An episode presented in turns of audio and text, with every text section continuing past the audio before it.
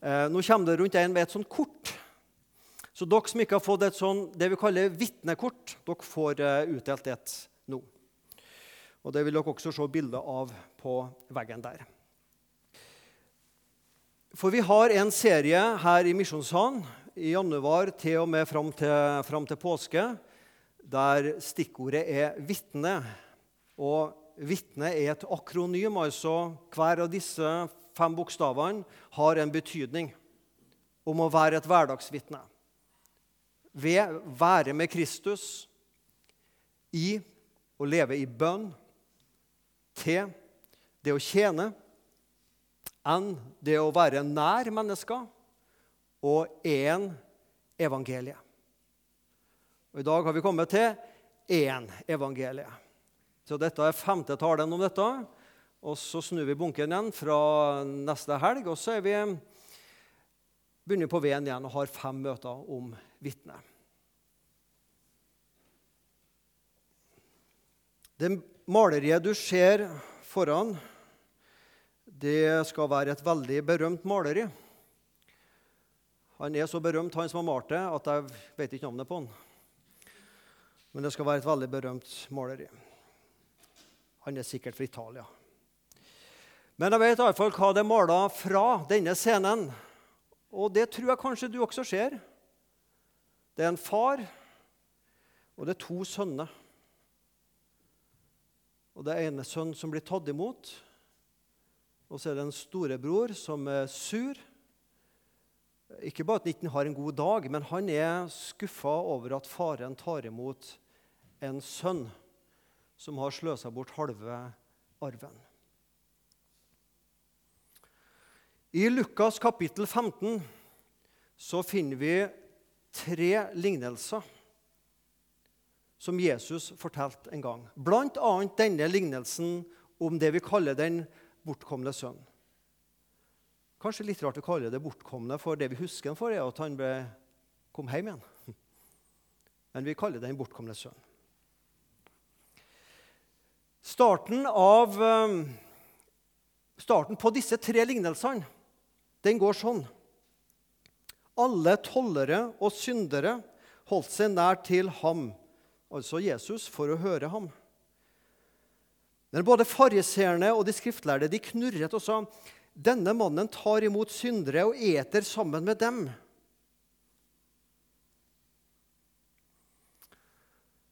Her kommer det tre lignelser på rappen av Jesus om én og samme sak.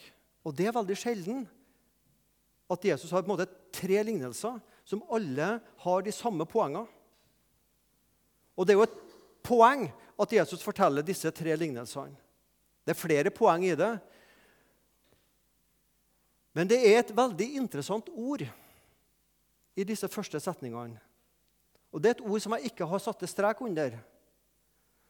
Og Det er et ord som jeg sjøl ikke ville ha tippa på før jeg en gang hørte en tale om dette, der han som talte, nettopp snakka om ordet 'da'. Da. Da fortalte Jesus denne lignelsen. Eller da fortalte Jesus disse tre lignelsene.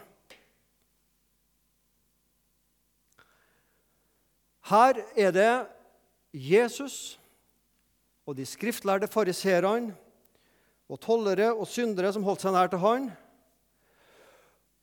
Og så knurre, står det her. Altså, de, de liker ikke.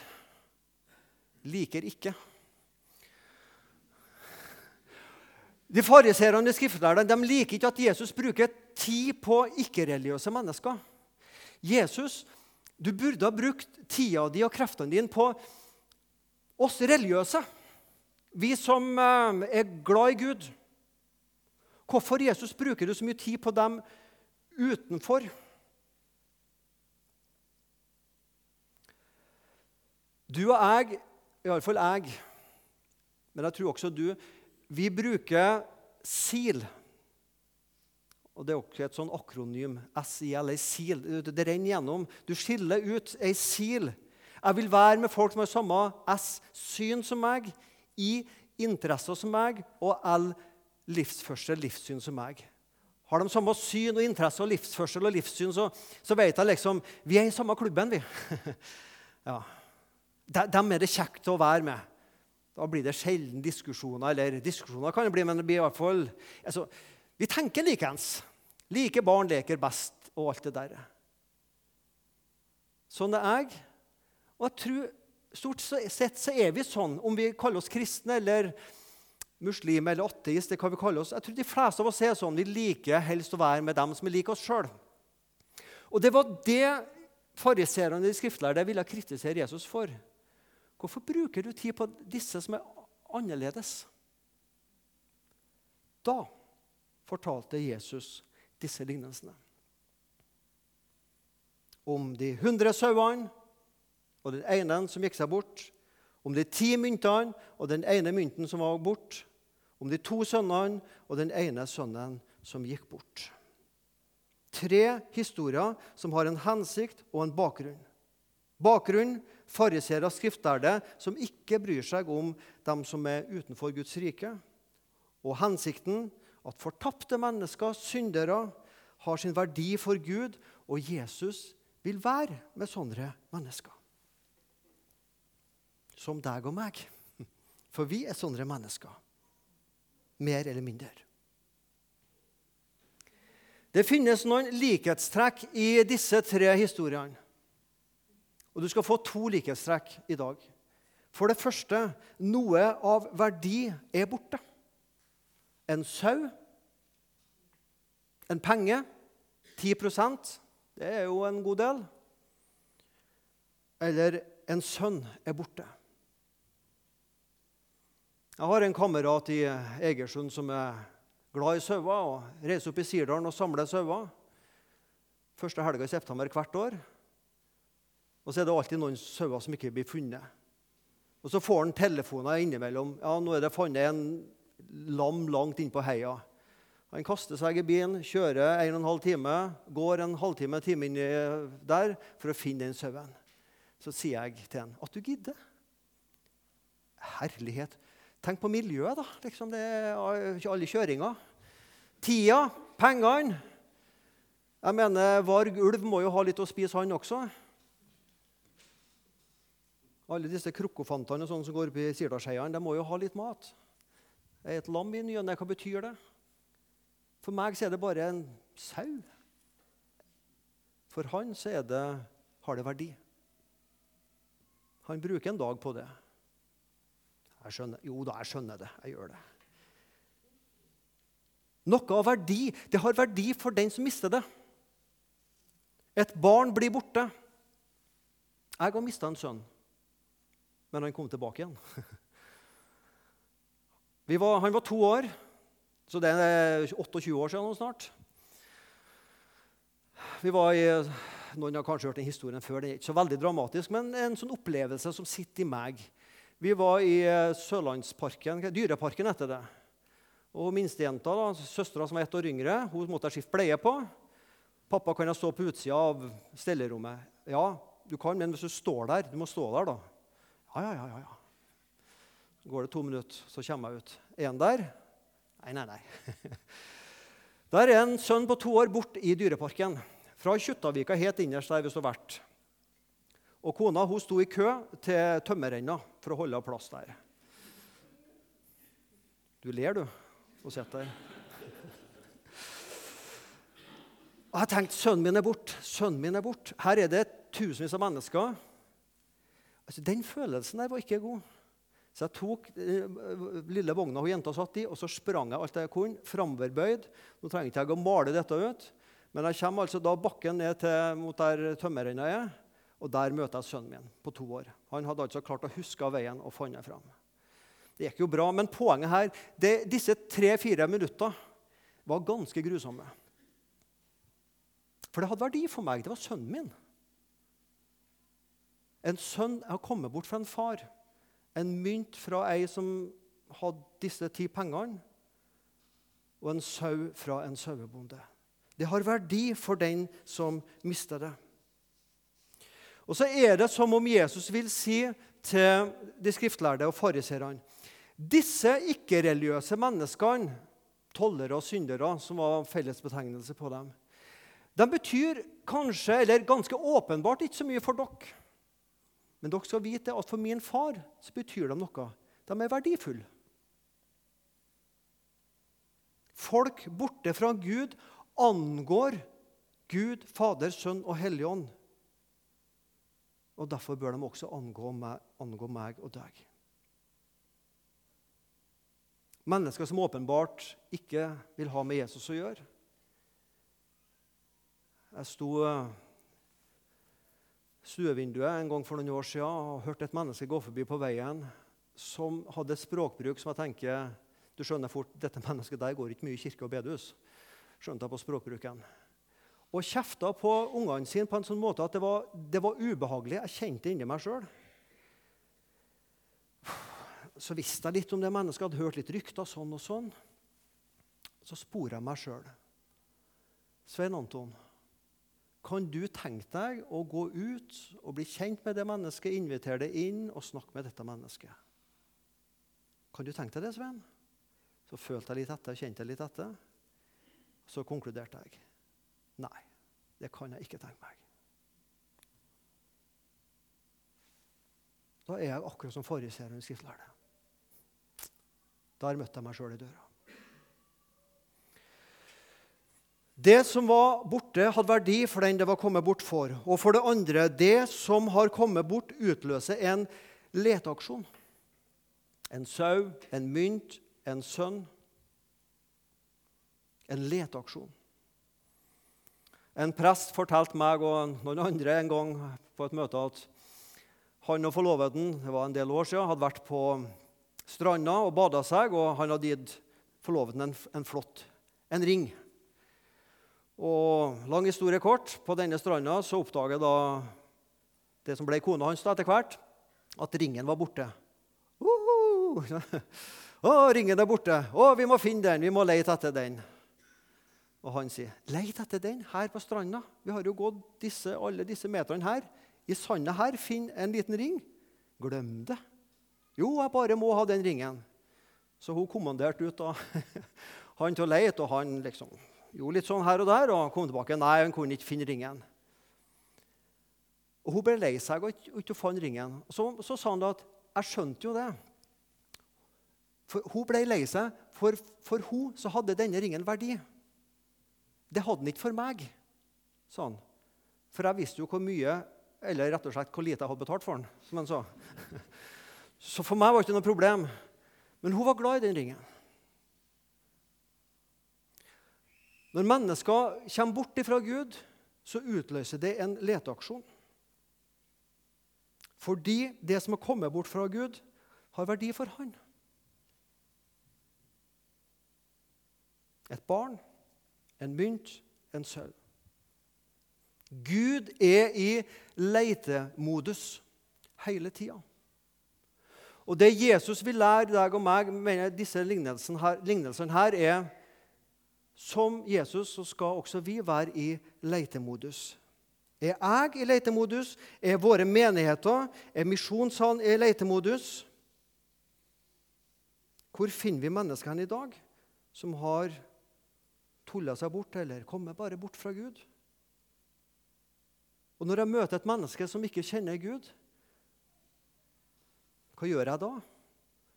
Ja, Det bør jo du vite, tenker du. Du er jo betalt for det. Ja, jeg syns dette er vanskelig. Jeg skal ta dere med til en annen bibelfortelling fra Johannes kapittel 9. Og Det er en lang fortelling som vi ikke skal bruke tida på å, å, å si alt om. Men kortversjonen er som følgende. Det er en mann som er blind. Han blir helbredet av Jesus, han får syn igjen. Og Så får de skriftlærde fariseerne greie på det, at han har fått syn igjen. Og så spør de han, hvem er det som har gitt deg synet igjen. Jo, han kaller seg visst Jesus. Og så blir jo fariseerne skriftlærde sint på han fordi at han er blitt, fått syn igjen, og kaster han ut av eh, synagogen. Fordi at Jesus har gjort den frisk. Og Så møter han Jesus, og så har Jesus og han en samtale. Det er kortversjonen av Johannes kapittel 9. Men det interessante her er vers 25. Da er vi midt inne i den samtalen mellom den blinde som nå er seende, og fariseerne skriftlærde. En diskusjon. Og De spør hvem er det som har gjort deg frisk. Jo, han heter visst Jesus. Ja, men Han er et dårlig menneske, han er en synder, og vi vet at han er en bedrager. Og Så, så sier den blinde, da, som nå har blitt, fått syn igjen Han, Den blinde svarte da om han, altså Jesus, er en synder, det vet jeg ikke. Han hadde jo ikke møtt Jesus før, så jeg vet jo ikke hvem han er. Men ett vet jeg, at jeg som var blind, nå ser. Hva Jesus står for teologisk, eh, om han er synder eller ikke, eller det ene med det andre, har ikke peiling. Men jeg har hatt en erfaring. Jeg var blind, og nå ser jeg. Og dette er den nå seendes sitt vitnesbyrd. Jeg var La oss nå tenke at dette er korset. Jeg var blind. Så møtte jeg Jesus, og nå ser jeg. Mitt liv før det var å være blind.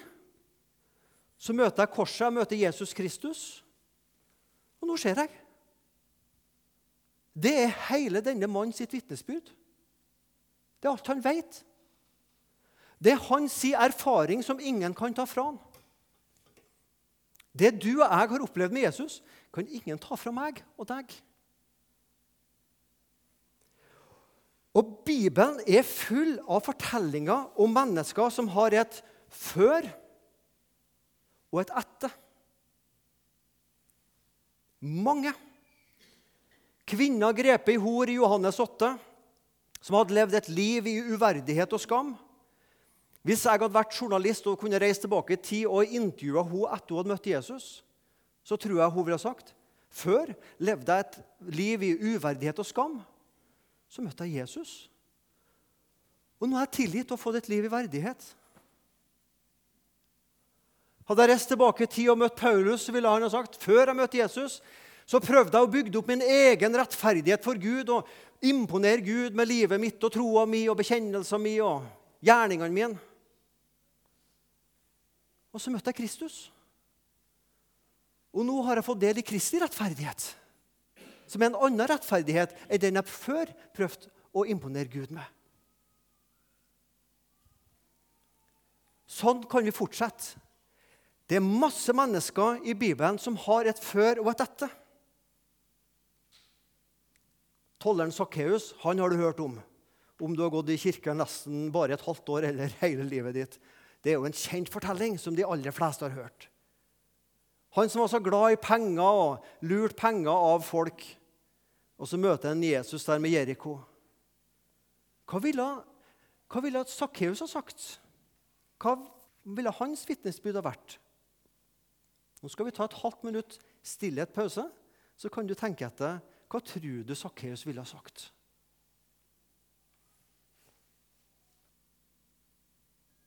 Hva ville Sakkeus ha sagt? Det vet ikke vi, men jeg tror kanskje Sakkeus ville sagt før jeg møtte Jesus, så handla livet mitt om penger. Å få tak i mest mulig penger. Om så om det var å lure av folk. Penger, penger, penger. Så møtte jeg Jesus. Og nå handler på en måte også mitt liv om penger, men nå handler det om å gi penger til de fattige. De skal få halvparten av det jeg eier. Har jeg lurt penger nå, skal de få det firedobbelt igjen. Det er det Sakkeus sier. Før jeg møtte Jesus, så handlet det om å få. Så møtte jeg Jesus, og nå handler det om å gi. Jeg har fått et nytt hjerte. Det tror jeg har vært Sakkeus sitt vitnesbyrd. Og Nå kommer vi til essensen med det jeg vil. Hva er din historie? Hvis jeg har møtt deg og kommet inn på deg, og så har jeg spurt deg hvorfor er du en kristen? Hva er din historie? Hva forskjell har Jesus betydd i livet ditt? For jeg tror at mennesker som ikke kjenner Gud, hvis de blir kjent med meg og får høre at jeg er kristen, så kan det hende Hva mener du om ditt, og hva mener du om datt, og disse spørsmålene og sånn? Ja. Men jeg tror kanskje først og fremst så lurer de på hva forskjell har Jesus betydd i livet ditt, Svein? Hva er din historie? Og den dagen du har den historien klar Og den trenger ikke å være en lang avhandling. Og For mange så er det jo at du har vokst opp i en kristen heim også. Du har liksom aldri vært sånn skikkelig ute i verden og liksom levd borte fra Gud. Og. Men du har liksom alltid vært hos Jesus. Men du har likevel hatt en opplevelse av at Jesus, du fikk et møte med han i barneår, i ungdomsår, i voksen alder, som gjorde at du kunne si ja, nå vet jeg Jesus er min frelser. Hva er din historie? Har vi hatt god tid nå, så kunne vi ha hatt så vitnemøte med våre historier. Men det er ikke poenget nå. Jeg vil at du skal tenke gjennom dette spørsmålet. For når du har laga deg din setning, som ikke er en sånn sett på platesetning, som du begynner bare å spille når du får en telefonselger på telefon men, men, men, det er på en måte, dette er mitt liv, dette er min opplevelse. Da har du en historie å fortelle den dagen et menneske spør deg jeg skjønner at du er sånn religiøs, sånn kristen. Hvorfor er du det, og hva betyr Jesus for deg? Jo, jeg vokste opp som en sånn Jeg vokste opp i et allmennreligiøst hjem i Trøndelag på 70-tallet. og eh, Foreldrene mine var ikke hedninger, men, men var liksom ikke sånn bekjennende kristne. Men så, men så møtte, og Jeg var en sånn snill gutt. Jeg for ikke rundt og herja og ditt og datt. Men jeg kom til et punkt i livet mitt sånn og sånn og sånn. Så møtte jeg Jesus. Og nå har jeg fått et liv med mål og mening. Jeg er tilgitt til fortida. Jeg har et liv nå med mål og mening, og jeg har et håp i framtida. Det er min historie. Jeg kan ikke si at jo, jeg for rundt i Trondheim og med kniv og med herja og stakk kniv i folk og sånn. var en sånn skikkelig ja, rabagast. Hørte en av våre misjonærer som døde i fjor for ett år siden, som var i Tanzania. Mathias het han. Hørte han for tre år siden. Preika til en ungdommer på Jæren. Jeg var en rabagass, sa han. Jeg var familiens sorte får. Jeg herja og drakk og var en rabagast. Men så møtte jeg Jesus. Og resten av mitt liv har jeg brukt til å fortelle ungdommer om å vende om til Jesus og reise ut som misjonær. Mitt poeng med å ta fram det her er Hva er din historie når du skal dele evangeliet med andre? Da har du god ammunisjon når dagen er der, og du trenger noe å si. Helt til slutt. Hva slags to personer kan du tenke deg å dele Jesus med i løpet av våren 20? Be til Jesus om disse to, om gode muligheter å dele troa di. Før du snakker med et menneske om Jesus, snakk til, det, snakk til Gud om det mennesket. Men vi trenger ikke å snakke i 20 år til Gud om det mennesket før vi snakker med det mennesket om Gud. En eller to som du tenker han eller hun skal jeg si noen ord om hvorfor jeg er en kristen i løpet av neste måned. Lykke til med å vitne og dele evangeliet. Herre Jesus Kristus, takk for du gjør forandring i mennesker sitt liv.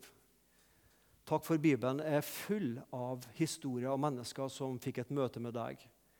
Ei oppgjort fortid, tilgitt, synder, strøket ut et nytt liv sammen med deg og håp i himmelen. Velsign oss alle, Jesus, som kjenner deg, til å dele deg. Amen.